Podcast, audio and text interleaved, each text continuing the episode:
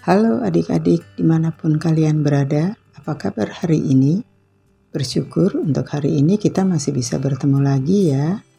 Yuk kita siapkan hati kita untuk merenungkan firman Tuhan hari ini. Sebelum membaca firman Tuhan, mari kita berdoa.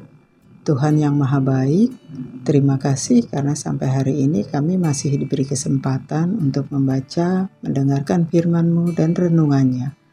Dalam nama Tuhan Yesus, amin.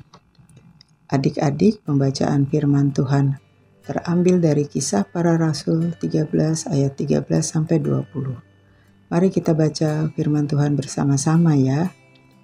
Paulus dan kawan-kawannya berlayar meninggalkan Pafos kemudian tiba di Perga di Panfilia. Namun Yohanes meninggalkan mereka lalu kembali ke Yerusalem. Dari Perga mereka melanjutkan perjalanan mereka lalu tiba di Antioquia di Pisidia. Pada hari Sabat mereka pergi ke rumah ibadat lalu duduk di situ. Setelah selesai pembacaan dari hukum Taurat dan kitab nabi-nabi, pejabat-pejabat rumah ibadat menyuruh bertanya kepada mereka, "Saudara-saudara, jika ada kamu mempunyai pesan untuk menguatkan umat ini, sampaikanlah."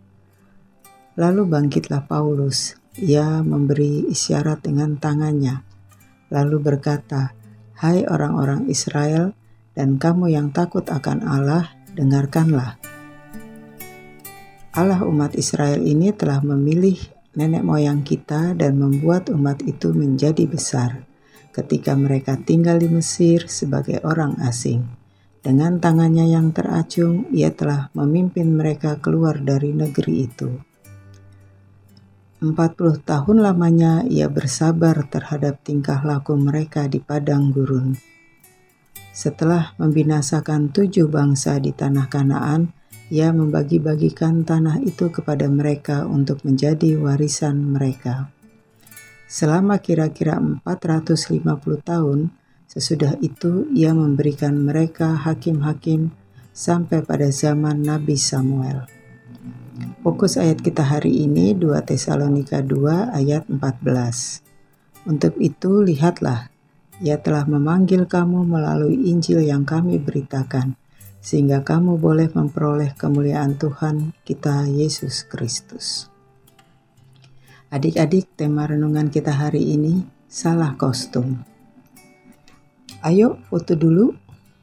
Topinya jangan miring. Selendangnya dirapikan.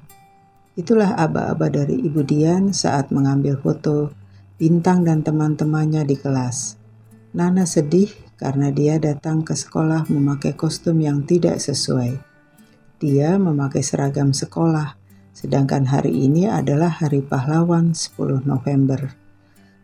Seminggu yang lalu, Ibu Dian, wali kelas di kelas Bintang memberi pengumuman secara lisan dan menulis di agenda sekolah bahwa hari ini adalah peringatan Hari Pahlawan. Dan kemarin sebelum pulang sekolah, Ibu Dian mengingatkan kembali bahwa Hari Pahlawan semua siswa di sekolah Bintang akan memakai kostum pahlawan nasional. Bintang dan teman-temannya saling mengagumi kostum yang digunakan teman-temannya. Ricky menjadi Jenderal Sudirman, Rere menjadi Kartini, dan seterusnya. Nana menyadari kesalahan yang dilakukannya. Nana menganggap remeh adanya agenda sekolah berguna sebagai alat komunikasi sekolah. Allah berkomunikasi dengan umatnya memakai Alkitab. Adik-adik akan tahu kehendak Tuhan jika rajin membaca Alkitab. Mengapa perilaku Nana menunjukkan bahwa ia tidak memperhatikan perintah gurunya? Ya, karena Nana mengabaikan apa yang dikatakan gurunya. Bagaimana cara kita menjadi saksi Allah yang hidup? Kita harus menjadi terang bagi orang-orang di sekitar kita, dan kita harus rajin membaca Alkitab, ya adik-adik. Mari, adik-adik, kita bertekad mau katakan, "Aku mau mendengar panggilan Tuhan melalui Alkitab." Sekali lagi, aku mau mendengar panggilan Tuhan melalui Alkitab. Baik, adik-adik, mari kita berdoa. Bapa di surga, Tuhan adalah penerang dalam hidup kami.